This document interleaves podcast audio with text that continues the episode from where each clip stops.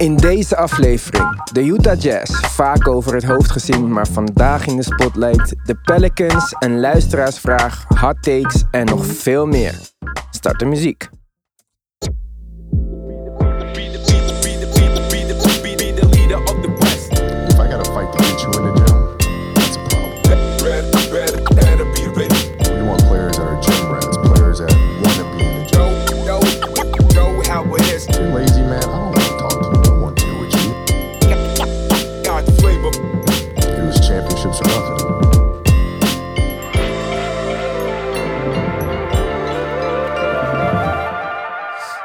Ja, dit is het moment waar ik jullie normaal vraag om Apple Podcast reviews. Eh, we gaan het iets anders doen vandaag. Ik ga de laatste 10 reviewers opnoemen, oplezen, hun naam. En eh, daarmee tegelijkertijd ook dan bedanken. Dan was het handig geweest als ik dat al voor me had gehad. Dus geef me één seconde. Ja, daar zijn we. Dank aan Nathaniel Fonch. Oh ja, en ik ga waarschijnlijk alle namen verpesten. Maar sorry daarvoor, maar ik, ik weet het gewoon niet. T. Braaksma, Gooda Good. Japman 216. Willem van Vliet. Victor Bad. Marco van Uden. Robin Ooms. Bert de Balker. TV35. King R11. Douwe 1511. Slanke Frans. Mart Vellekop. Tarong PNG. Stefan B 1979. Sjoerd en Jesse. Rijans, het was Jesse, niet Jesse. MVC 23. Johnny de Kid. Volgens mij zijn dit er al tien geweest. Hartstikke bedankt voor de andere mensen die ons nog geen review hebben gegeven. Ga even naar Apple Podcast. Schrijf een paar leuke zinnen. Mijn leukste podcast. Ik luister, bla bla. En geef ons vijf sterren. En dan gaan wij weer stijgen. En eh, Apple is the enemy. Ja, toch. Nog één oproep van Barry van Spronsen. Die vraagt of er iemand interesse heeft om in een hele leuke fantasy league te spelen. Ik had hem beloofd dat ik dit zou vragen. Heb ik niet gedaan, vandaar deze oproep. Dan gaan wij snel verder, want we hebben een hoop eh, te bespreken vandaag. Dit was het NBA-nieuws van deze week. Veel nieuws wat wij zouden kunnen bespreken. Bijvoorbeeld dat CJ McCollum een eh, gebroken voet heeft. In de wedstrijd van 16 januari sprong Capella, of nou ja, Capella sprong, maar landde op zijn voet. Ze dachten eerst aan een, eh, ja, een normale kneuzing, maar bleek ook om een breuk te gaan. Hij is tenminste 16 games out. We kunnen het hebben over de Nets, die twee keer op rij verloren van de Cavs. Maar goed, we hebben het vorige week al over de Nets gehad en over de Blazers. En het team wat bij ons bijna nooit aan bod komt, is Utah. Waarom? Omdat het gewoon simpelweg het saaiste team is in de hele NBA. Maar ondertussen zijn ze wel bezig aan een winning streak van acht wedstrijden en staan ze tweede in het Westen. Dus jongens, Utah Jazz. Ja, normaal gesproken als ze aan bod komen bij ons is het eh, enkel negatief. Dus eh, wel leuk dat ze nu een keertje ook positief aan bod komen. Ehm, Voor alle Mitchell- Utah Jazz fans in Nederland die ons elke week DM'en over de Utah Jazz. nee, eh, ja, ik, ik ken één Utah Jazz fan, maar die is het al sinds de tijd van, van Michael Jordan. Dus die heeft al heel wat mogen incasseren. Dus ja, voor hem zijn het mooie tijden. Ik vind Donovan Mitchell vind ik sowieso wel een spectaculaire speler. Niet gewoon, ja, hij- heeft weinig zwakheden. Hij heeft mooi voetenwerk, een prachtig schot, hops, alles wat je maar wil. Rudy Gobert, ja, die krijgt ook altijd een eh, vrachtlading aan eh, shit over zich heen. Maar ja, natuurlijk is hij overpaid. Maar wat hij doet is wel nuttig. Dat is en niet zijn nog- schuld trouwens dat hij Nee, overpaid precies. is. Hoor. Precies. En ja, op zich, hij heeft ook wel echt een nuttige... Ja, hij, heeft ook wel, is echt wel nuttig hoor. Hoe groot is hij? 7'2? 7'1? Ik weet Zoiets, het hij lijkt heel groot zo- in ieder geval. Heel groot in ieder geval. Ehm, mijn favoriete speel van de Jazz is nog Joe Ingles. Eh, hoe atypischer, hoe beter, zeg maar. Hij schiet van achter zijn nek, dus hij kan ook perfect die shotfake eh, uitoefenen.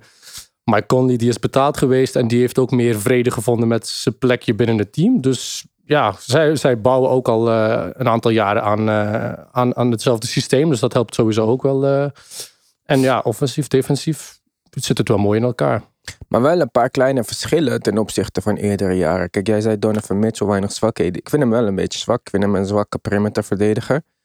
En niet opvallend zwak, maar helemaal niet opvallend met het nieuwe systeem wat ze spelen. En daarom denk ik ook dat deze, dit succes van eh, reguliere seizoenaard is. Om het, eh, ik weet niet hoe ik het anders moet zeggen. Ja. Maar ze spelen defense natuurlijk. eh, ik heb, we hebben het daar al eerder over gehad.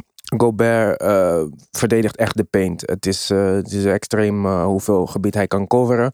heel vaak als ze double teamen, dan verdedig hij de man aan de zijkant en de ring tegelijk. Dat, dat kan niet, omdat hij zo lang is en hij kan goede close-outs maken. Maar ze spelen heel veel van die drop coverage. Ze gaan echt overal onderdoor. Ze laten spelers in een driepunter lopen. Dat kan nu, zeker als je tegen de Hornets speelt en zo. Maar als jij in de finals, seven games tegen de Clippers moet en je speelt drop coverage tegen Kawhi en Paul George, nee, dat zie ik niet echt eh, Ja, nee. gebeuren. Maar, maar zijn zijn zwakheid, zeg maar, als perimeter defender. Denk Nee, je maar niet alleen dat- hij, hè. Het is de hele jazz spelen dat, maar zeg maar. denk je niet, want ik heb ook in teams gespeeld waarbij het zeg maar, de bedoeling is dat je de aanvaller gewoon de baseline geeft. Dat je hem gewoon naar de baseline pusht. Ja, zij dat je- geven hun de drie punten. Ik snap dat, dat het Ja. teamstrategie Nee, is. totaal niet. Dat is gewoon nee, helemaal drie punten anders. niet, Dat maar ze- ze, ze dit laten- seizoen zijn ze helemaal anders. Hè? Dit seizoen heeft ze minstens drie punten aan. Ze deren mensen om naar rebound te gaan. Dat is van de oude ja, jazz. Precies, Dit ze seizoen duwen ze hey, naar de baseline. Naar ja, de ze baseline zijn zeg geen uh, bug-systeem. hè. Nu zijn ze echt vooral aan het focussen om meer surgical decisions te maken. Dat ze meer gefocust zijn om mensen van de driepuntlijn af te rennen of daar gewoon te De contesten. laatste wedstrijd die En ik heb gekeken, gaven ze iedereen een drie punt. De statistieken liegen niet, hè? Ja, dat is ik niet heb voor geen niks. En ze zijn, als je kijkt naar vorig jaar, zijn ze veel beter in dit. En je ziet gewoon ook dat ze weten hun rollen nu. Nu dat Mike Conley weet precies wat hij moet doen. En hij ziet gewoon veel meer comfortabel uit. Hij is Hm. bijvoorbeeld de laatste twee weken de meest efficiënte speler geweest in de hele NBA. Dus jullie Ja, denken, Donovan Mitchell dit- is niet eens... Ja, jullie denken Nou, dat ik denk dit wel- sustainable is. Mm, Ja, kijk, tenzij er nog veel veranderingen gaan doen. Maar ja, vorig jaar was het een beetje van... eh, gaat Mike Conley starten? Gaat Ingles van de bank komen? Of andersom. Mhm. Nu lijken de rollen wel meer, eh, meer vastgelegd. En ja, sustainable in het regular season sowieso, dat wel. En als je, ja... ja kijk. Mike Conley speelt efficiënt. En hij doet, het is niet alsof hij iets bijzonders aan het doen dit seizoen. Misschien is zijn drie puntpercentage wat hoger. Donovan Mitchell is niet echt heel efficiënt aan het spelen tot nu toe. Hij zijn defense is ook wat best zwak geweest tot nu toe. Ik vind En hem daar ook is gewoon een best wel- Precies. man. Maar daar is best ruimte voor verdediging. Dus, en dan je kijkt, Bogdanovic is- lijkt alsof hij niet helemaal hersteld is van zijn blessure van vorig seizoen. Dus hij zal gewoon beter worden. Royce O'Neal is consistent. Rudy Gobert, hopelijk, ik weet niet of hij het kan volhouden. Of dit, Maar hij speelt op een goede niveau.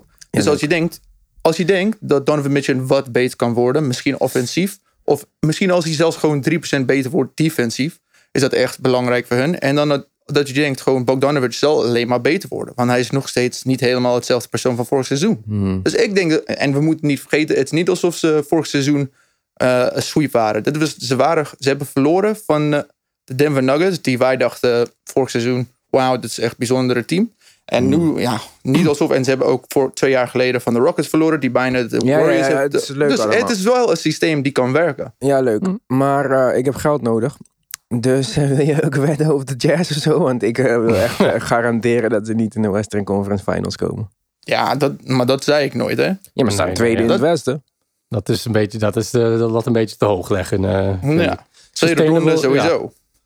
Ja, nou, Als je ja. wil daarover verder, dan vind ik het goed. Dat ze komen in de tweede ronde van de playoffs. Ja, tweede ronde van de playoffs.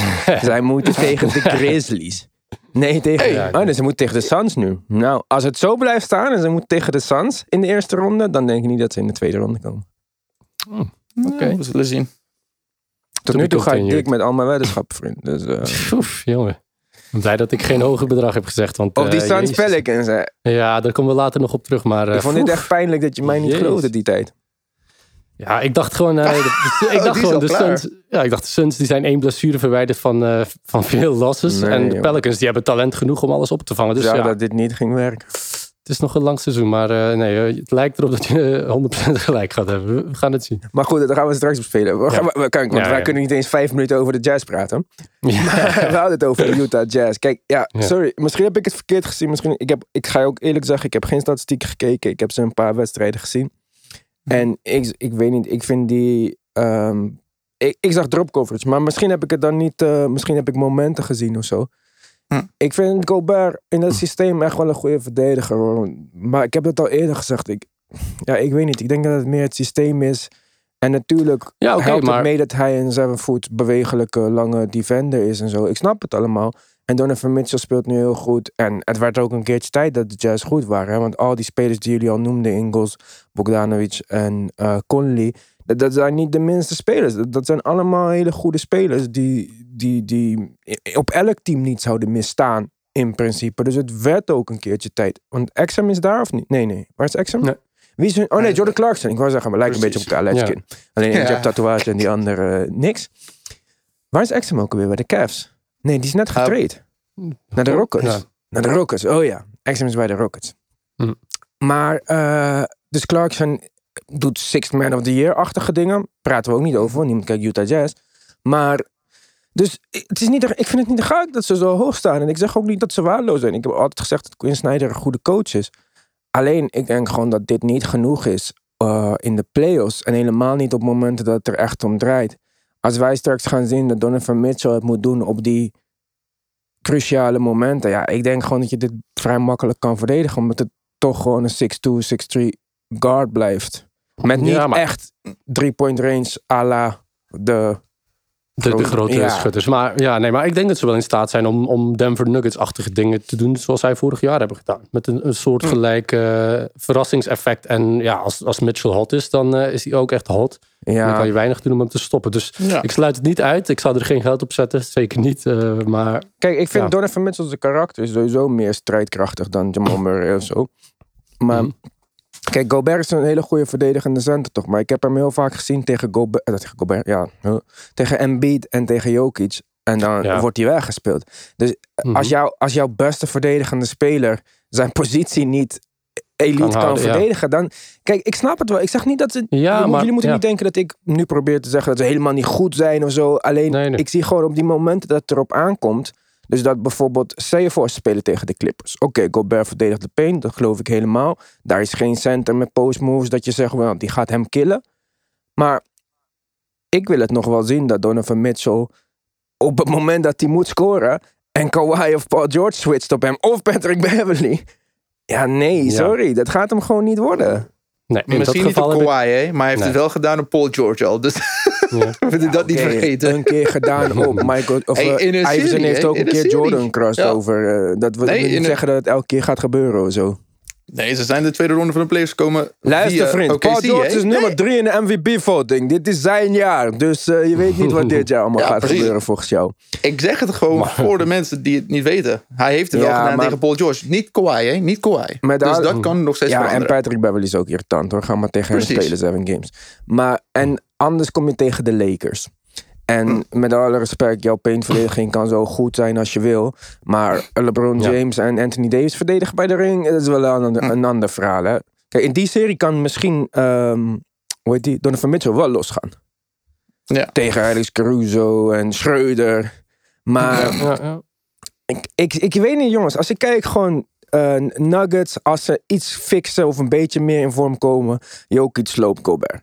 Clippers, gaat hem, sorry, dat gaat hem echt niet worden. Die matchup is killing voor... eh, zelfs de Suns wordt lastig, man. Ga maar Paul George drop coverage... Of eh, Paul George, ga maar Chris Paul met die drop coverage verdedigen. Laat hem in de paint. eh, dat wordt Ja, hem die- niet. Het is te... zelfs Warriors... Als stel je voor dat de Warriors zevende worden en de Jazz blijven tweede. Ga maar Steph en zo verdedigen.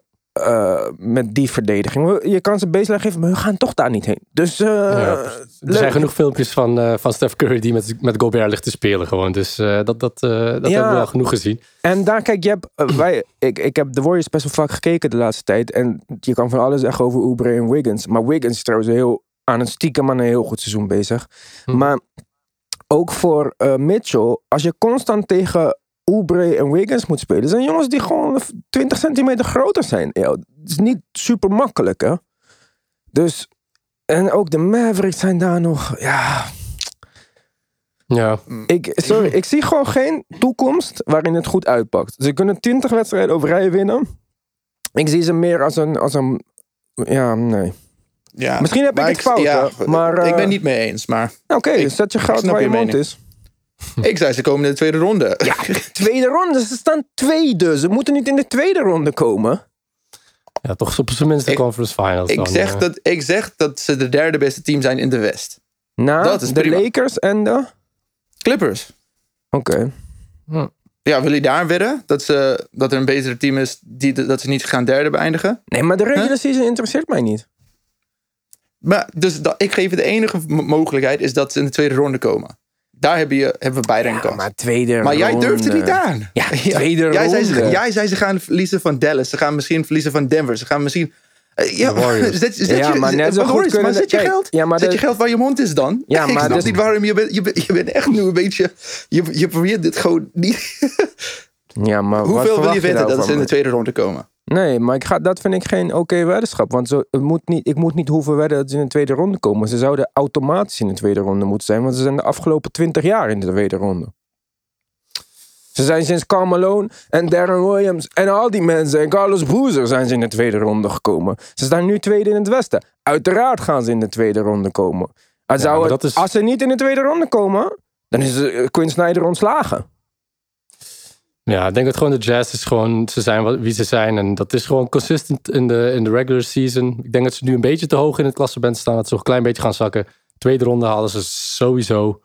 Tenzij, ja, misschien de Suns er toch eh, wat voor steken. Maar ja, verder is het ook gewoon niet, eh, niet speciaal. En is er ook gewoon niks anders dan de voorbije jaren. Dus Wel wat heel Vrees. leuk is bij de jazz, dat er echt superveel mensen in het publiek zitten. Deze mensen Mm. hebben echt ander level scheid gewoon. Want bij de Rockets zitten er een paar, maar bij de jazz zitten er echt gewoon zitten er echt mensen. Als je die wedstrijd kijkt, lijkt het gewoon alsof het een slechte wedstrijd is. En, eh, er zitten gewoon wat mensen. Maar goed jongens, eh, ik vond dit ook wel weer eh, kom weer even toe. ja, genoeg Utah Jazz van deze week.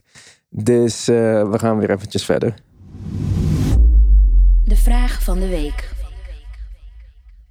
Ja, normaal presenteer ik hier altijd een eh, percentage dingen, statistieken van eh, zoveel mensen zeiden dit. Dit was een open vraag. Wat is de grootste verrassing na één maand NBA? En ehm, zo hebben we ook ongeveer eh, 84 verschillende antwoorden gekregen. Eén team wat vaak voorbij kwam waren de Knicks. Sixers ook zelfs. Veel mensen alsnog verbaasd eh, over de Sixers. Ik zal er even een paar voorlezen. Ja, Knicks, Knicks Cavs trouwens kwamen heel vaak voorbij. Sixers die hun shit together volgens Taron PNG. Eh Nets trio, Haikir Michael. Even kijken, hebben we nog een eh, Christian Wood. Max van Iersel zegt dat hij eh, heel goed bezig is. Sexton ook. Lamello die zijn hype waarmaakt. En Jesse Ryans die een stap naar Mark doet. Dat er iemand is die zowaar denkt dat Lamello bal geen rookie of the year wordt. Eh, Chris Cordo zegt Luke Walton is nog steeds de coach van de Kings. Eh, Robin 1992, misschien een beetje gek, maar dat Caris LeVert een tumor op zijn nier heeft. Dat is natuurlijk ook een eh, grote verrassing. Heel veel Colin Sexton, Thijs VD 15, Colin Sexton, wat een speler. Ehm, Giel zegt toch Phoenix qua team. Hakim Salem, shout-out naar Hakim. Hey, New York Knicks, Tim Hartog, Cleveland, eh, Ziggy Eisenring, Cavs, heel veel Cavs, heel veel Paul George in comeback, sommige mensen Joel Embiid. Eh Brandon BD zegt de Harden trade en een Wall 15 seat. Nou, dat eh, had ik van tevoren kunnen voorspellen. Maar ja, Cavs, Knicks, Sixers, Cavs, Knicks, Sixers, heel veel Cavs, Knicks, Sixers. Ik kan niet zeggen dat ik verrast daarover ben. Want zoals iedereen weet die deze podcast luistert. En Nick vorige week heeft aangegeven. Heb ik voor dit seizoen al gezegd dat de Knicks eh, competitief zouden worden. Dus ik zou het fijn vinden als mensen voortaan eh eventjes mij serieuzer nemen. Ik zit hier niet voor niks eh, maar wat te praten. Maar jongens, wat is jullie grootste verrassing? Voor mij zijn het de Cavs. Want dat had ik niet zien aankomen. Ja, ik wil eigenlijk oorspronkelijk ook de Cavs zeggen, maar ja, misschien was dat een beetje recency bias net met die twee wins tegen de Brooklyn Nets die, die pas samengesteld zijn. Ik, ik ben gegaan voor eh, geen team, maar een speler Mhm. die ik eigenlijk helemaal had afgeschreven en dat is eh Clit Capella. Oh, ik dacht. Die, eh, nee, nee, nee, nee, die heb ik ook nooit afgeschreven. Dat was jij ook. Maar ehm, ja, hij heeft onlangs een triple-double gehad met blocks. En hij is de eerste Hawk die dat doet sinds de Kemba Mutombo. Ik heb ook een paar wedstrijden gekeken van de Hawks. En ja, ik, dacht, eh, ik dacht Capella, die is, eh, die is gewoon done. Die, daar horen we weinig nog van terug. Maar nou, hij is wel gewoon echt een goede, een goede moderne big guy, zeg maar. Die Ja, niet kan schieten. ook drie jaar geblesseerd geweest. Hè? Dus misschien uh, dat Ja, soort dingen precies. onderschatten mensen soms. Als je zo'n blessure hebt, hoe zwaar dat kan wegen. Maar dat is wel. Het was ook. Ja, het was een blessure ook die, die zou aanslepen en waar ja, weinig van geweten is. Of, of toch een, Voetblessure, toch? of zo. Voet, ja, ontsteking aan de het, iets eh, of zo. onderste pees of botje of zo. Ja, inderdaad. Hebben we weer dus, lekker voorbereid. Maar in ieder geval iets eh, wat eh, moeilijk is voor een Ja. big man. Ja, ik vind dat wel een... eh, dat is inderdaad ook een verrassing. Jij hebt de Hawks waarschijnlijk ook meer gekeken dan ik. Dus dan... eh, maar het is mij eh, niet direct opgevallen. Maar ik eh, vermijd de Hawks als ik kan. Mark, wat is jouw verrassing van het jaar? Hoe groot een verschil het maakt dat de Golden State Warriors weer leuk zijn om te kijken. Het is echt, zij maken echt verschil. Ik vind de NBA leuker om te kijken als zij niet, niet per se relevant zijn, maar dat Curry er is. Dat was mijn grootste verrassing. Ik wist niet, zo, ik wist niet dat ik hem zo leuk vond om te kijken. Ook een leuke. Maar als je ook kijkt naar het Westen. Ik weet niet hoe het voor jullie zit. Maar sowieso alle playoff teams plus eh, Mavericks en Spurs. Dus dat is tot en met 10. Vind ik eh, interessant. Hoef ik zeker niet niet te zien, zeg maar. Eh, en dan heb je daar nog de Rockets, de Kings en de Pelicans. Pelicans gaan we het later over hebben. Die ik ook nog relatief interessant vind. Eigenlijk de enige teams in de hele Western Conference die, die er voor mij echt niet toe doen, zijn de Thunder en de Timberwolves. Ja, Ja. Mee eens. Dus de dan- Thunder doen het ook goed. Wie doen ze goed? De Thunder. Ja, ze zijn echt... eh Ja. Zeker. Ze doen het heel slecht. Is sowieso heel boos. Ze doen het heel slecht. Het was de bedoeling dat zij onderaan stonden. En opeens staan ze 6-8. Ze zijn twee wedstrijden verwijderd van eh, de Mavericks. Oh, Ja, ja dat, is wel, eh, dat is wel onverwacht. eh, maar ook de, de, de Timberwolves. Oké, ze hebben eh Vind je dat altijd wel wat onverwacht? spelers. Ik, ik denk als ze altijd compleet hadden geweest, dat ze wel meer hadden gewonnen. Maar ik, ik had wel niet verwacht dat ze gewoon dead last zouden zijn. Ze hebben wel wat talenten zo. Maar eh, Volgens mij heb ik ik ben dat toch gezegd. een beetje... ges- Ja, ja, ja, sowieso. En je bent niet de enige. Er zijn nog anderen die het ook gezegd hebben. Maar ja, ik eh, ben wel teleurgesteld. Ik had toch wel ietsje meer een competitive team verwacht, eh, eerlijk gezegd. Oh, ze hebben ook een eh, top, top pick, hè? Ze hebben de, Niet top. Ze hebben de top. Eén. ja, de top Ja. rookie die er is. En, en D'Angelo Russell en Cat, oké, gezien de omstandigheden, maar dan nog eh, heel teleurstellend. Echt, Denk je, eh, kijk, het is een maand. Het is een beetje te vroeg, hè, maar Nick. ja. Denk je, als we nu even een maand, of nee, niet een maand, maar mochten terugspoelen tot de draft. Gaat Edwards nog steeds nummer 1? Of gaan de Timberwolves misschien denken, hmm, misschien zou het wel handig zijn om die Wiseman te draften. Of misschien was LaMelo toch wat interessanter dan een... Mm, ja. Eh, Want als je mij Ja. vraagt wie Anthony Edwards is, dan zou ik zeggen een kruising tussen An- Andrew Wiggins en Dion Waiters. Dat is zijn top. Oei, oei, oei. oei, oei, oei. Dat, eh, dat, dat, dat zal hij niet graag horen, nee. Maar ik zou geen Hij zal het ook niet horen, want hij volgt basketbal niet. Ja, precies. Het nooit Misschien eens kijkt hij het niet, maar luistert hij het wel. hè. Weet. Eh, Dus dat is zijn, eh, zijn strik antwoord. Maar eh, ja, maar ja, ik denk ook niet dat ze LaMelo zouden gekozen hebben. Ze hebben al Rubio en, eh en D'Angelo Russell. En als ze, als ze ja, maar even ja, de Hornets hebben Devante Graham en Rozier. Nou, ik denk dat ze gewoon zo'n domme franchise zijn. Dat ze gewoon diezelfde fout twee keer zouden maken. Dus eh, Ja. ja, dat denk ik wel. Dit is wel een leuke categorie trouwens. Hè? Want we hebben, er is een maand gespeeld nu. En we hebben echt, er is echt best wel veel gebeurd. Ook gewoon qua verrassingen. Ook hoe goed sommige teams spelen. De Ja. impact van al die COVID, tracing protocol dingen. Misschien moeten we hier eens een keer een hele uitzending over maken. Want het is wel leuk om even de stand van zaken te bekijken voor zo'n eh, heel seizoen. Ja, ja. Misschien moeten we even. Hmm. Als ze bij een derde ver zijn of zo. Ja, maar ik eh, vind we dit zijn- wel eh, best wel interessant. Misschien moeten we daar even over na gaan denken. Gaan we nu even verder. Where do you, where do you go? Ja, where do you go met de fucking Pelicans? Jongens, tragedie. Ik eh, ben even in de stats gedoken. Oh. Ja, nou niet zo'n bijzondere stat heb ik hoor.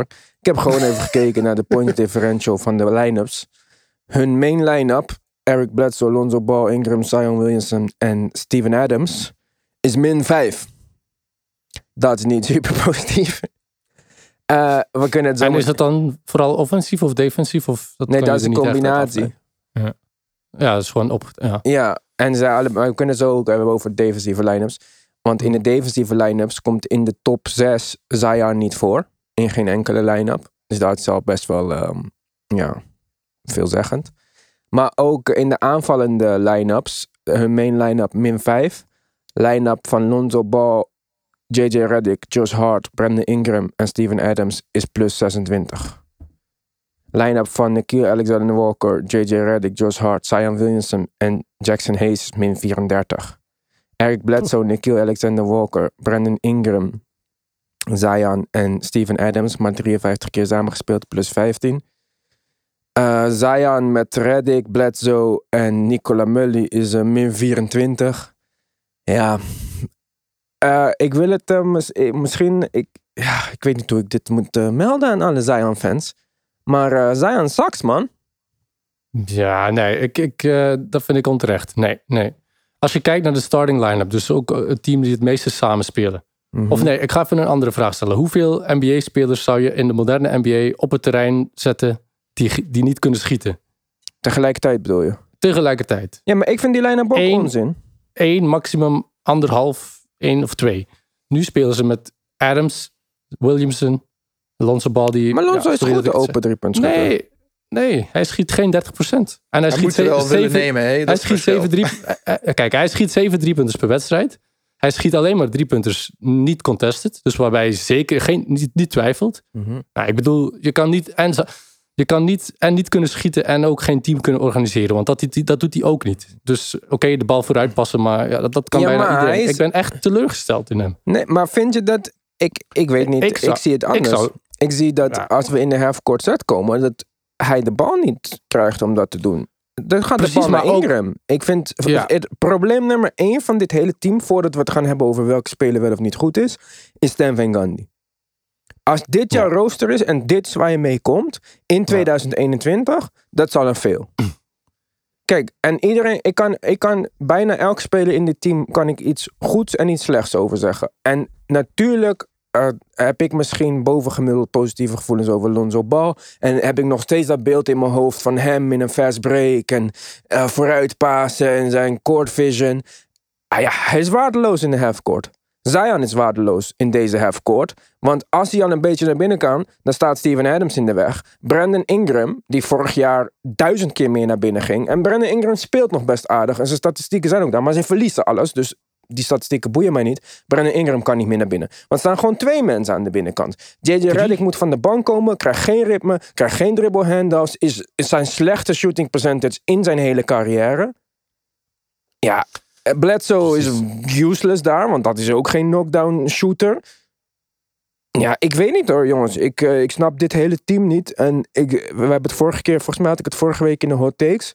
Maar hebben we, Mark eh, moest natuurlijk eh, Westbrook kiezen.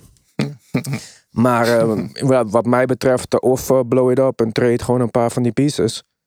Of Ja. ontsla Stan Van Gundy. Maar dit, dit, ik zie, dit heb geen enkele zin om nog een maand verder te gaan op deze manier. Nee, precies. precies. Er moeten sowieso grote changes gebeuren in, in wie er samen op het terrein komt. En dan, dan zelfs al blijft Lonzo op het terrein staan. Je kan niet, je kan niet met Lonzo en, en Bledsoe en Adams en Zion Williamson. Je neemt gewoon de ruimte weg van alle spelers die dat nodig hebben. En dat zijn Zion en Ingram. En ja, nee, ik bedoel, het is gewoon, het doet echt pijn om naar te kijken. Dus, eh, maar wie moet je naar de bank moven? Wie dan? Nou, ik, JJ Redick moet sowieso starten, want dat is ja, gewoon... nou, dan gaat Bledsoe naar de bank, toch? Oké, dan gaat Bledsoe naar de bank. Maar dan heb je nog steeds... En ik, denk dat je niet Steven Adams en Zion 30 minuten per wedstrijd samen moet spelen. Ja, voilà, inderdaad. Dus een, een Jackson Hayes, maar ja, die kan ook niet echt schieten. Nee, niet. Ik zou gewoon start maar dan even met Steven Adams en run een paar dribble handoffs met JJ Redick om JJ een beetje aan de gang te krijgen. Dat moet eigenlijk net als bij, net als bij de Nets, zelfs met al deze spelers. De eerste play is altijd voor Joe Harris. Mhm, Die mag ja, een mooi schot ja. nemen. Dat moet ook met JJ Redick. Shooters moeten beginnen eh, met schieten om eh, hot te raken. Je kan niet verwachten dat JJ Redick erin komt in het tweede kwart met allemaal blaasspelers. En dan gewoon van zichzelf maar een driepunter raak schiet.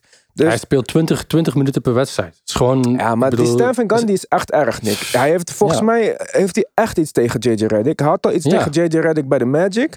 En nu Ja. komt hij gewoon terug. En je hebt JJ Redick kunnen zien de afgelopen zeven jaar. Ik heb hem bij Philly bijna elke wedstrijd gekeken. Hij is echt een prima teamverdediger. Hij kwam altijd open. Hij beweegt fucking veel. Kijk hoe hij nu rent. Er is geen route voor hem om te rennen. Hij doet maar wat. Ja, precies. Maar andere, ander punt nu even. Ehm, wat, wat, wat is de meerwaarde van Lonzo Ball nog op het terrein? Als hij niet... Want kijk, Ben Simmons kan ook niet schieten, maar hij is gewoon een point guard. Hij organiseert het team, hij, hij, hij heeft alles in handen. En oké, dat is nu wel makkelijker met een, eh, met een goed team rond hem. Maar Nikhil Alexander Walker s- scoort bijna evenveel in de helft van de minuten die Lonzo speelt. Dus ik bedoel, als er toch niet georganiseerd moet worden, dan kan je toch beter iemand hebben die beter kan schieten. Want de schoten die Alexander Walker neemt, die zijn moeilijker dan die van Lonzo Ball. Dus ik zou echt al overwegen om en Reddick en Alexander eh, Walker eh, te, laten spelen, te laten starten. Naast, eh, ja, dan pas gaat Zion en Brandon Ingram nog meer tot hun recht komen. Dan kan Steven Adams gebruikt worden voor screens te zetten waar, waar hij eigenlijk het beste in is. Ja, kijk, zijn assist usage rate is wel. eh, is dit jaar 69. Of hij is dit jaar eh, punt 98 bedoel ik, sorry. Daarbij behoort hij tot. ja, is hij beter dan 70% van de NBA. Dat is niet super slecht. Weet je hoe hoog het vorig jaar was? Ja. 1,38. Beter dan 95% van de Assist NBA. turnover? Of nee, assist usage rate. Dus usage rate, Ja. ja. Ja, Van alle keuzes die hij maakt, dus meer dan... eh, Ja, maar dus, dit, dit, eh, het, eh, kijk, ik zag Ja. niet dat Lonzo, dat hij geen zwakke punten heeft of zo. Maar ik zeg ook niet dat Zion helemaal blame-free is. Want ik vind wel, het lijkt wel echt alsof zijn explosiviteit minder is. En ook op defense, hij maakt eigenlijk heel vaak een foute keuze. Hij is, Hmm. Maar dat is niet gek, hè? het is ook niet super raar. Hij is, hoe oud is hij? 20, 21? Hij scoort nog steeds boven de 20 punten per wedstrijd. Hij- Maar nu, al die punten wat hij scoort, dat, dat zijn gewoon... Het zijn Ja. gewoon opruimpunten, man. Ja, ik, Ja, ik weet ja. niet. Ik word echt gek van Stan Van Gundy. Want hij verpest gewoon dit hele team. Ja. En eh, ja, wie, is, wie is de GM van de Pelicans nu weer? David Griffin. ja. David Griffin, oké. dus die En ze hebben ook waarschijnlijk niks. ook wel zien. Ja, ze hebben 87 miljard picks, hè. Mhm. Ik denk echt... Ik, ik vond het... e- Eerst dacht ik Ja, ook, maar oké. picks, je hebt Steven. Ja. Nee, maar ik, ik, waarom bewaren? Want ja, iedereen wil altijd picks bewaren en zo. Ik ben er sowieso echt tegenstander van. Ik vind als je Zion nu hebt, als jij wil weten wat Lonzo is en je hebt net Ingram een contract gegeven. Het is leuk dat je voor Steven Adams hebt getraind, maar we hebben het nu al gezien. Dit heeft niet gewerkt. Dus trade hem maar lekker naar de Nets. Die hebben een center nodig. En neem maar Joe Harris terug. Hè? Zou bijvoorbeeld leuk zijn. Nog meer shooters. Ja. Want ze hebben shooting nodig. We hebben spacing nodig. Die mensen Maar dan moeten speel, naar je. Zion, dan speel je Zion op de vijf. Ja, fuck Ja? it. Oké. Nee, dat is ja. waardeloos. Hij kan niet vijf spelen. Wie zegt Dat, dat? zou gewoon... Hij kan niet tegen iedereen vijf spelen, maar tegen, tegen 60, 70 procent van de NBA kan hij dat wel. Maar Ja, goed, daarom. nee, dat, is, dat is een, dat Als is ze een- vijf... Maar hij is, je zei, hij heeft geen explosiviteit. Hij kan niet eens, hij kan niet eens verdedigende rebounds doen. Dan gaan Hij ze heeft- echt... Hij, maar hij heeft, hij heeft gewoon de zijn, ruimte Zijn niet. Rebound rate is echt waardeloos. Ja, maar het is toch logisch zonder- dat zonder- rebound zonder- rate waardeloos is als je met Steven Adams speelt en ook nog met Ingram en Lonzo die goede rebounders zijn voor hun positie. Ik, ik zie het als... En zij moet naar voren shocken als hij eh, als, als de, in transition. Dus ik vind het niet erg dat hij niet defensive rebounds pakt. En misschien kan hij niet tegen de hele league 5 spelen. Maar je hebt niet een center nodig van 26 miljoen per jaar. Die voor de rest alles blokkeert op offense. Dan neem maar een eh, Christian Wood Porzingis-achtige 5 erbij. ja, maar het is gewoon een spacing, spacing probleem. Ja, Nu met, offense werkt dus- gewoon niet. En defense werkt ook niet. nee, maar je kan wel Zion en Steven Adams in hetzelfde team hebben als je letterlijk er altijd gewoon rekening mee houdt. Dat, er- dat er gewoon genoeg shooters en, en eh ja, big maar- guys op ja, het terrein precies. staan Dan in kan, balans. dan kan niet Maar jouw half-court offense zijn, geef de bal aan Ingram. Ja. Maar Mark, je hebt, we hebben je niet laten uitspreken. Zeg, eh, Ja, dan wordt Tim hartig boos. Eh, ga maar. Nee, ja, zoals ik ben met beide van jullie mee eens. De coaching is heel slecht, want het is als, een beetje zoals coach Carter. We gaan eerst beginnen met defense, maar dat werkt niet eens. En dan gaan we offense leren. Het is helemaal niet gelukt, beide werken niet. Je gebruikt, het is David Griffin, ik weet niet wat hij aan probeert te doen is nu. Ik dacht dat het goede moves waren. Ik Zijn ze, zijn ze, willen ze een offensive juggernaut worden? Willen ze de defensive juggernaut? Ze weten niet wat ze willen worden. En daardoor heb je gewoon issues. Je hebt Bledsoe, je hebt voor Bledsoe eh, getraind deel, deels om gewoon defensive beter te worden. Maar, en voor Steven Adams. Maar dan heb je geen instelling. Je probeert een defense te spelen dat niet past bij de spelers. Zion is geen super hulp defender. De, ik, daar is gewoon te veel, moeil, te veel issues in het team over het algemeen. En dan wat jij ook een goede punt, Johan, is dat Zion ziet er niet minder explosief uit. En misschien Wel hebben ze daarom explosief. ook voor Steven Adams getraind. Dat ze wisten dat ze, hij moet gewoon zichzelf... ehm, ja, hij, hij moet niet te veel explosiviteit gebruiken. Anders gaat hij een eh, blessure raken. Dit was de Dus meest gehypte speler sinds. LeBron James. En eh, nu, eh, ik zie hem helemaal niet. Dus ik, zie niet. ik zie hem niet eens op Instagram, hoor. Ja, ja. Nee, joh. geen, het is eh, niks. nee. Er is niks. Er is nog nooit zo snel een kaars ja. uitgeblazen als die van Zion Williamson. En dat, Ja, met alle respect, ik denk Stan Van Gundy, man. ja, ja, Geef Mike D'Antoni 100%. dat team. En Ja, laat eh, precies. Lonzo en Zion rennen. In ieder geval wordt het leuk dan.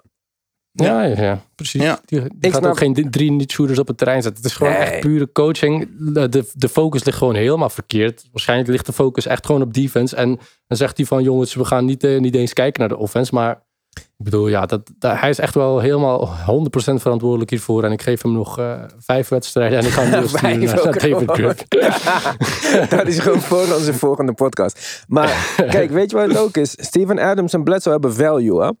Er zijn heel Ja, veel teams ja. die denken van... Ik zie, ik zie Bledsoe echt als een backup guard. Maar Bledsoe als backup guard, Steven Adams als big man. Ik denk dat de net super blij zouden zijn als Steven Adams nu eh, komt. Als jij DeAndre Jordan eh, even treedt... En DeAndre Jordan Ja. en heet die? Joe Harris voor Steven Joe Adams. Harris, dan moet, Harris is wel X-factor bij de Nets hoor, denk ik. Die, eh, Ja, maar ja, hij startte ook van Maar de goed. bank vorige wedstrijd. Maar anyway, ze hebben meer een big man nodig voor de finals. En Bledsoe kan overal terecht. Zelfs Clippers zouden misschien geïnteresseerd kunnen zijn in een reunie met Bledsoe.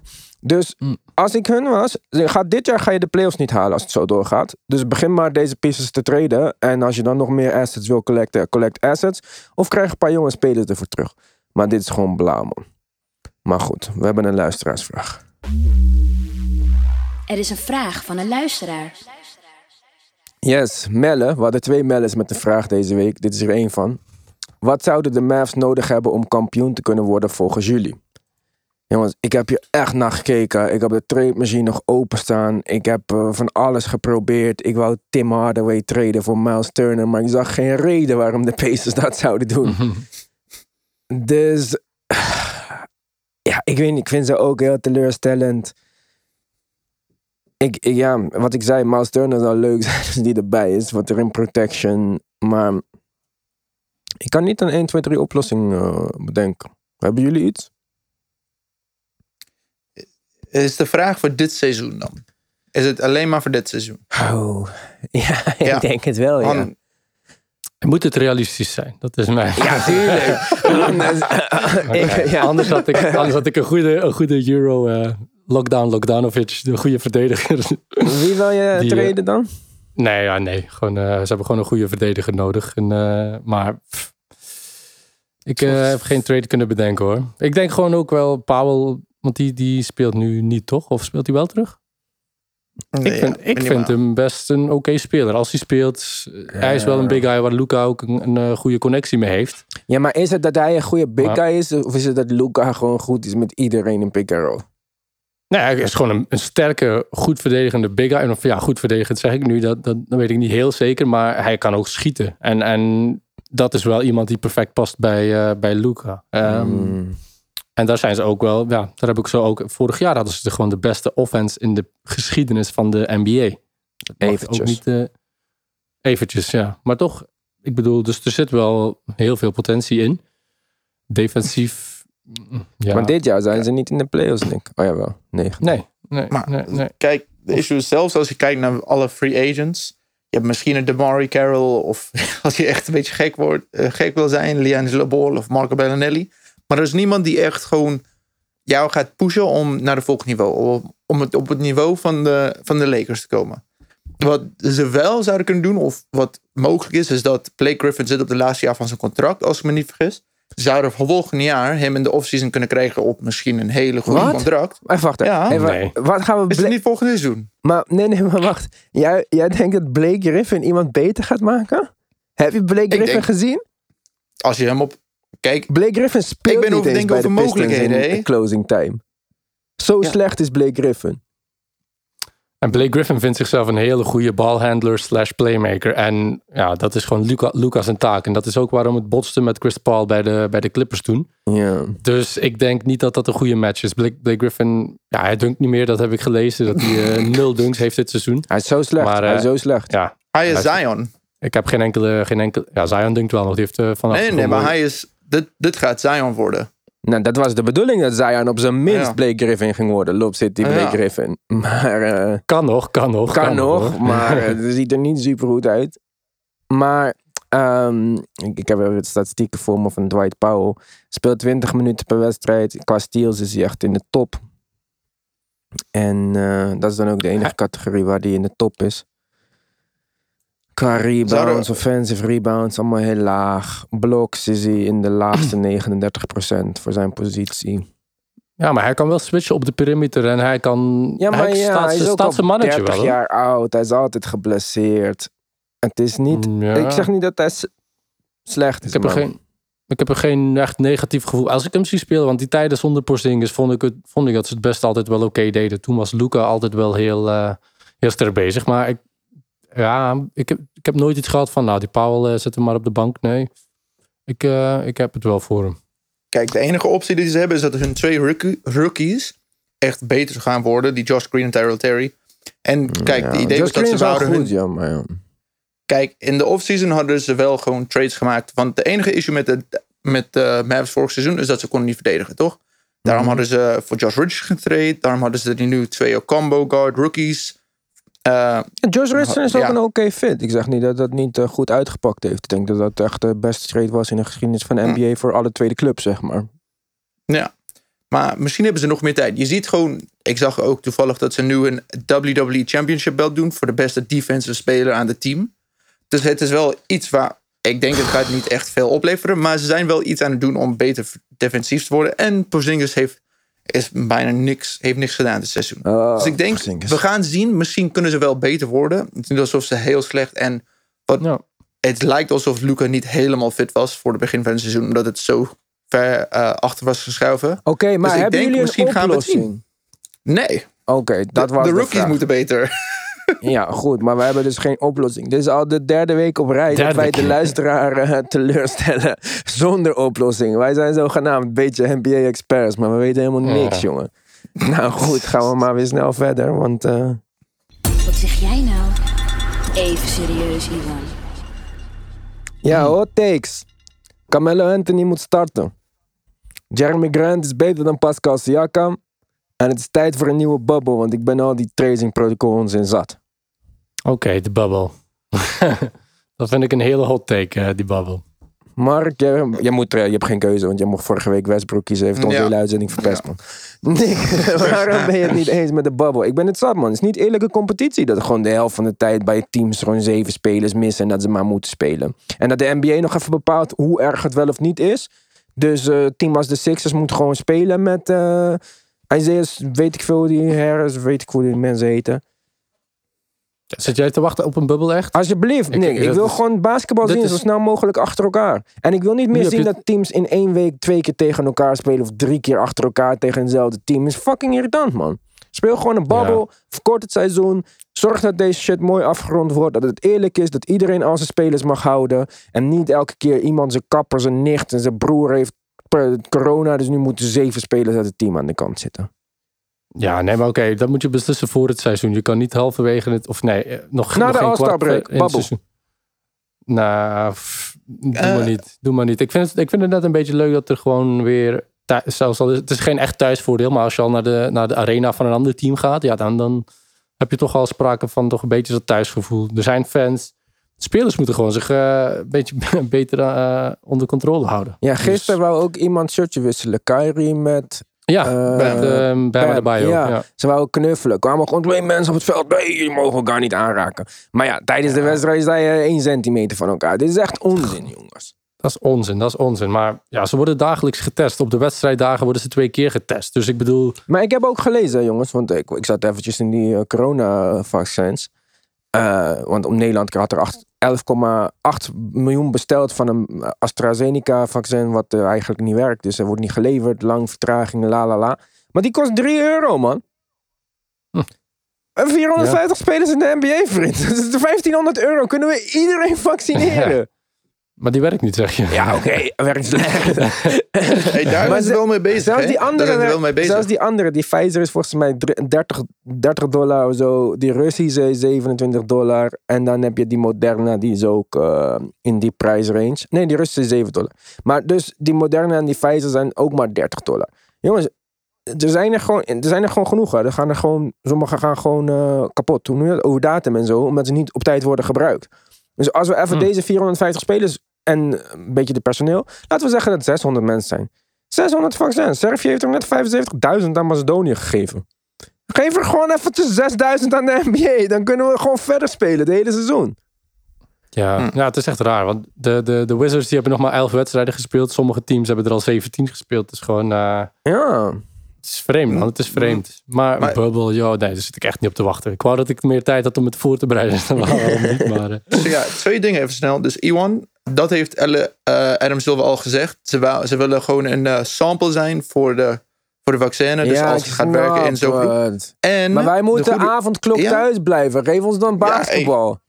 Ja, hey, maar dus wat ze ook hebben gezegd is... ze weten niet wat ze gaan doen bij de playoffs. Dus misschien gaan de playoffs wel gebeuren in de bubble. Luister Dat, ze, dat is nergens opgeschreven in hun planning. Ja, ze hebben in de regular seizoen. Ja, maar dat moeten ze ook echt doen, worden. Mark. Stel je voor dat we bij de playoffs komen en dan krijgen we Lakers tegen Clippers. En dan Ja. is het bijvoorbeeld Anthony Davis, LeBron. Nou, Lakers zullen dan niet het slachtoffer zijn.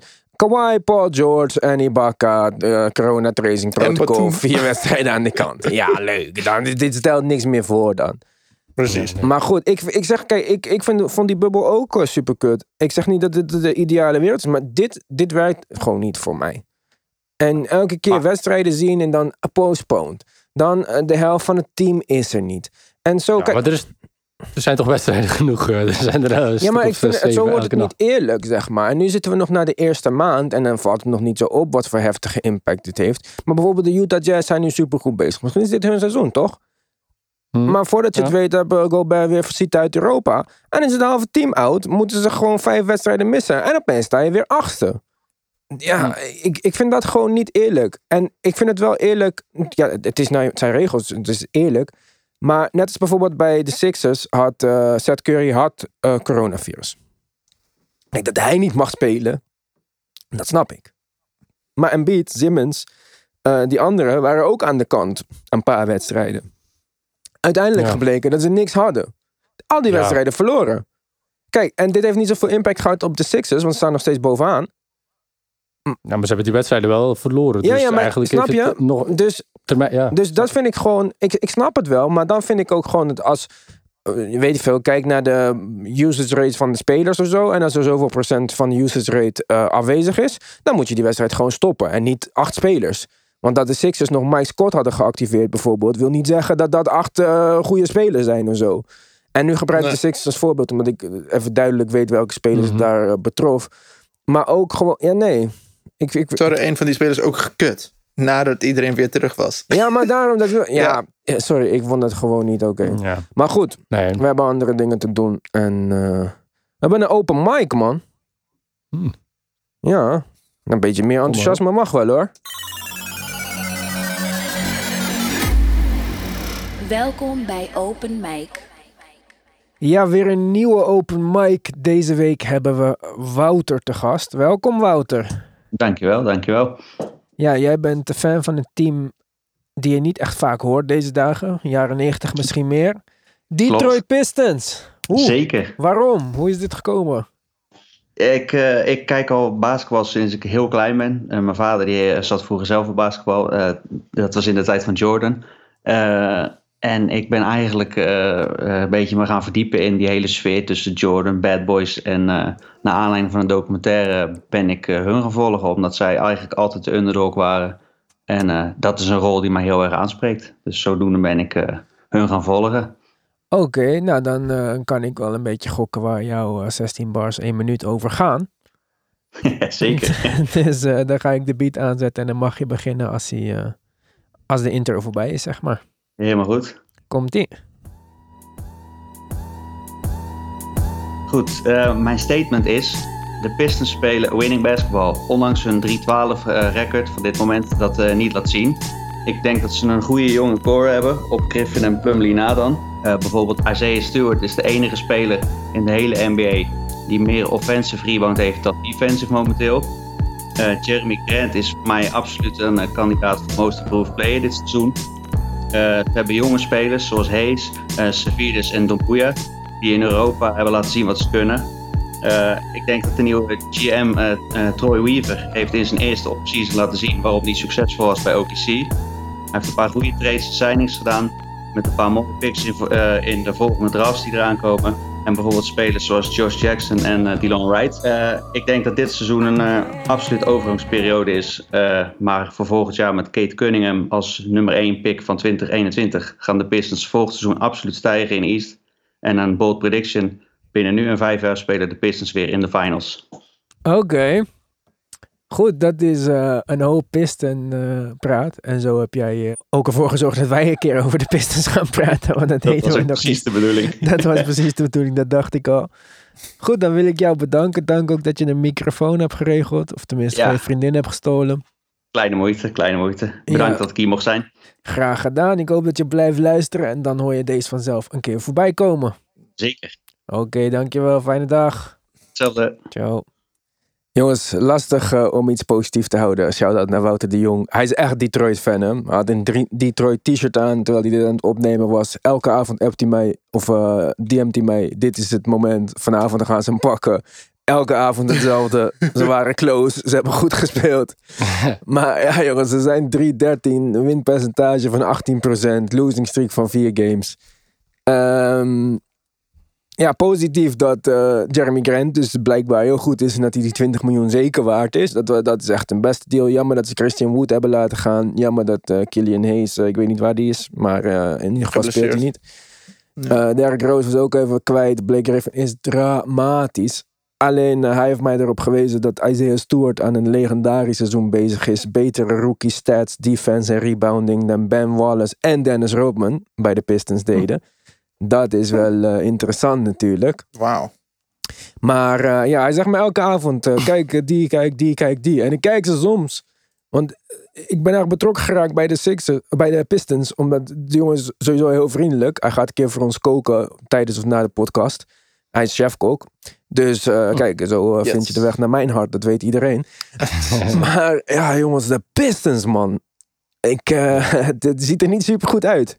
Maar volgend jaar met Kate Cunningham, dan, dan wordt het... eh, wordt het eh, ja, de turning point. Ja, ik, was, ik, hoorde iemand, ik hoorde hem zeggen dat iemand eh, meer offensive rebounds als defensive rebounds op Isaiah eh, had Stewart, per wedstrijd.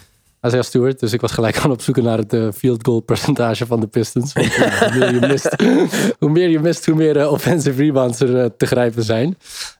Dus ja, 42% Dus op zich niet een heel erg hoog percentage. Maar ja, ja ik, ik, zie het, ik zie het een beetje anders. Eh, ik heb ook weinig wedstrijden gezien. Ik zie het hele roster voor, voor me nu. En nou, ik moet zeggen, Svi Mikhailuk. Ja. Die, eh, Er zijn een, een hele hoop namen die ik, eh, die ik ook gewoon niet genoeg ken. Dus ik ga ook niet doen alsof ik, het er, alsof ik er heel veel van weet. Ik vind het heel leuk dat hij zo eh, enthousiast en hoopvol is. Dus, binnen vijf jaar maar- finals. Ja, binnen Vijf vijf jaar. finals. Ja, dat vind, Als je dat kijkt vind hoe ik de, niet bijzonder. Dat, Nee, vind ik, je- dat is best lange tijd, hè? Als je ziet hoe de NBA elk jaar door elkaar geschud wordt. ik de wel garanderen van- dat 25 teams niet binnen vijf jaar finals halen. Ik moet nog nadenken over wie, maar ik kan het wel. Ik durf er wel zeker. eh, Ja. Nou ja, maar kijk, als je kijkt hoe snel het kan keren en hoe, hoe, hoe de player movement in de NBA nu is geëvolueerd, eh, kan letterlijk elk team binnen vijf jaar in de finals. Ja, denk, er zijn negen teams, verschillende teams in de finals gekomen in de laatste, in de laatste tien jaar. Dus ze hebben een niet 1 in veel. 3 kans. 1 in 3 kans. Als je Ja. echt erover nadenkt. Dus dat Ja, vind ik wel. zijn wel altijd dezelfde- maar ik dezelfde kan je wel zeggen ook dat de Wizards bijvoorbeeld niet een 1 op 3 kans hebben om in de finals te komen de komende vijf Ja, jaar. nee, precies. En Zelfs hebben ze een betere kans dan Detroit, toch? Ja, ja. Russell Westbrook speelt daar inderdaad. Maar eh, Isaiah Stewart, eh, Nick, je zei het al, eh, meer offensive rebounds. Hoeveel missen ze dan? Hij heeft een rebound percentage van 14,6. Daarmee is hij beter dan 96% van de rest van de NBA. Dus dat is best eh, goed. Zelfs nog, ook al ze heel veel schoten. En met blocks is hij eh, 77, beter dan 77% van de NBA. Dus voor een rookie zijn dat wel indrukwekkende stats. Hij is ook al bijna 20, dus hij is geen jonge rookie. Hij is 6'9 big. Nou, tegenwoordig praten we niet meer over forward centers en dat soort dingen. Het is gewoon een big. Hmm. Ehm, ja, best wel goed. Eh, ik heb hem niet genoeg gezien om nou te kunnen zeggen dat eh, hij zeker de nieuwe Dennis Rodman is of zo. Dus ehm, Nee, precies. Maar dan gaan ze wel ja, afscheid moeten nemen van Derrick Rose en Blake Griffin. En dan liefst snel, denk ik. ik zou Hoe- ook Derrick Rose traden. Ik vind Derrick Rose echt goed en hij speelt ook echt Ja, goed voor de ja. Pistons. En het lijkt ook alsof hij het daarna zijn zin heeft. Maar, en ik zou hem zeker ook, als hij wil blijven, dan zou ik hem gewoon houden. Want het is niet alsof het slecht is voor het team. Maar eh, als je nog iets voor hem kan krijgen, denk ik dat we hem moeten gaan traden. En ik denk dat er genoeg teams zijn die hem kunnen gebruiken. Ik weet niet wie ze Ja. terug zouden kunnen krijgen. Je zou denken, Derrick Rose naar de Clippers zou heel erg leuk zijn voor de Clippers.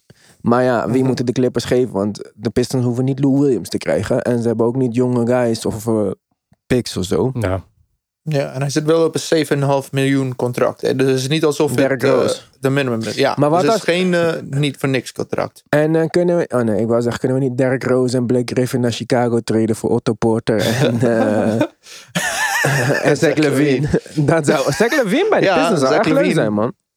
Dat zou leuk zijn, Ja. ja. Niet, denk dat, ja, nee, precies zou heel leuk zijn. Die eh Davidas Servidis met zijn PER van min 40, daar zou ik ook eh, snel afscheid van nemen. Kijk, ken Maar kijk, het ding is, ik, ik snap dat hij, dat hij positief is over Detroit. Want Killian Hayes heeft best veel potentie, maar zijn eerste paar wedstrijden liet hij, liet hij het niet echt goed zien. Ik had hem echt heel hoog, Sure. maar hij heeft echt niks laten zien, hè? Precies. En ik snap, misschien had hij al een beetje last van de blessure die hem uiteindelijk heeft uitgeschakeld. Maar daar, om binnen vijf jaar echt kampioen te kunnen worden, moet best veel. Ik snap misschien dat ze dit seizoen een hele goede speler gaan krijgen in de aankomende draft. Maar de meeste teams juren echt, bijvoorbeeld de Warriors. Ze wanneer hadden ze Steph gedraft in 2009, toch? En het is echt niet. Je moet echt veel geluk hebben. En ik zie Detroit niet als echt een potential trade partner of echt waar spelers echt de hele tijd naartoe willen. Zij moeten het echt via de draft nu gaan opbouwen, totdat ze echt best veel, best wel credit hebben, zoals van de Nets deden. En de Nets waren ook zelfs in Brooklyn en New York, dus zij hadden een betere kans.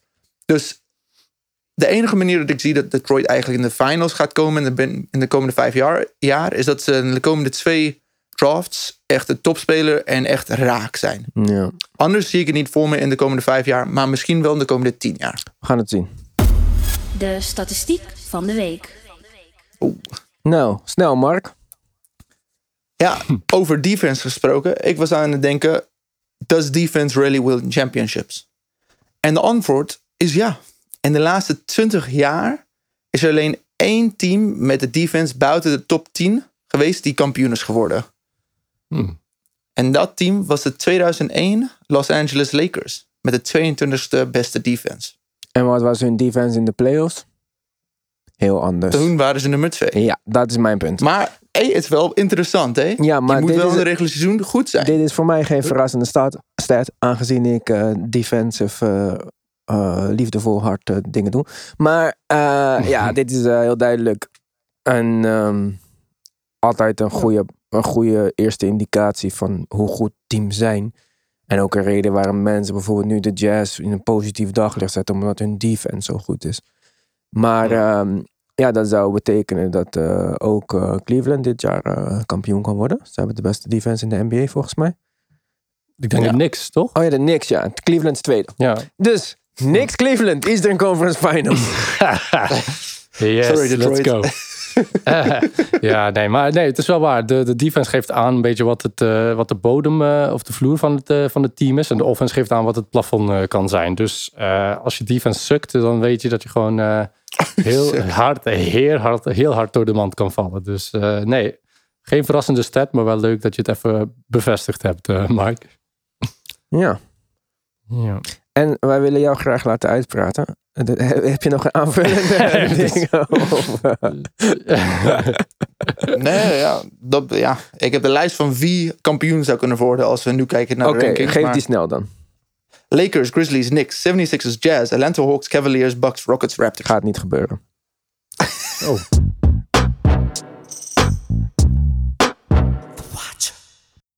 Yes, The Watcher. Nick.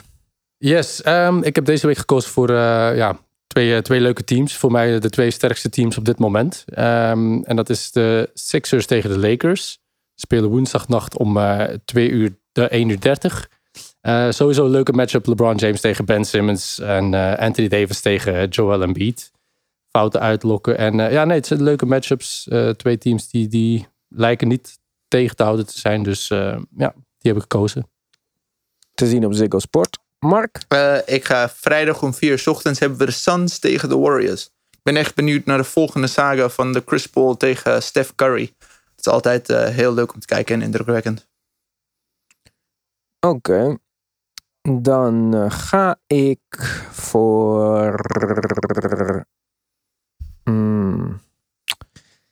Nou jongens, ik weet het niet. Ik vind het niet zo boeiend allemaal deze week. en ik had een hele mooie wedstrijd bedacht, maar die is pas volgende week. dus dat is niet zo goed van mij. Pistons 76ers, hè? Eh, Pistons 76ers. Wouter de Jong. ja, die was toch, eh, die hebben we gisteren ook al gezien. Ja. Ehm, eh, nou, wacht. Ja, ja, ja, ja, ja, ik heb er niks Mavericks Nuggets, hè? Ja, leuk. Clippers Hawks. Zien. Dan moet je- Nee! Vrijdag, 29, half twee 's nachts. Twee beste defensive teams in de NBA. Cavaliers tegen de Knicks. Yes, ja. Gaan we kijken. Goed. Jongens, als je het nog niet gedaan hebt, Apple Podcasts, 5 ster review, een paar leuke regels. Hoor je je naam volgende week in de aflevering. Voor nu wil ik zeggen bedankt voor het luisteren. Volgende week groot nieuws. Zijn we deze week niet aan toegekomen. Niet door ons, maar omdat instanties niet meewerken. En eh, tot volgende week. Adios. Tot snel.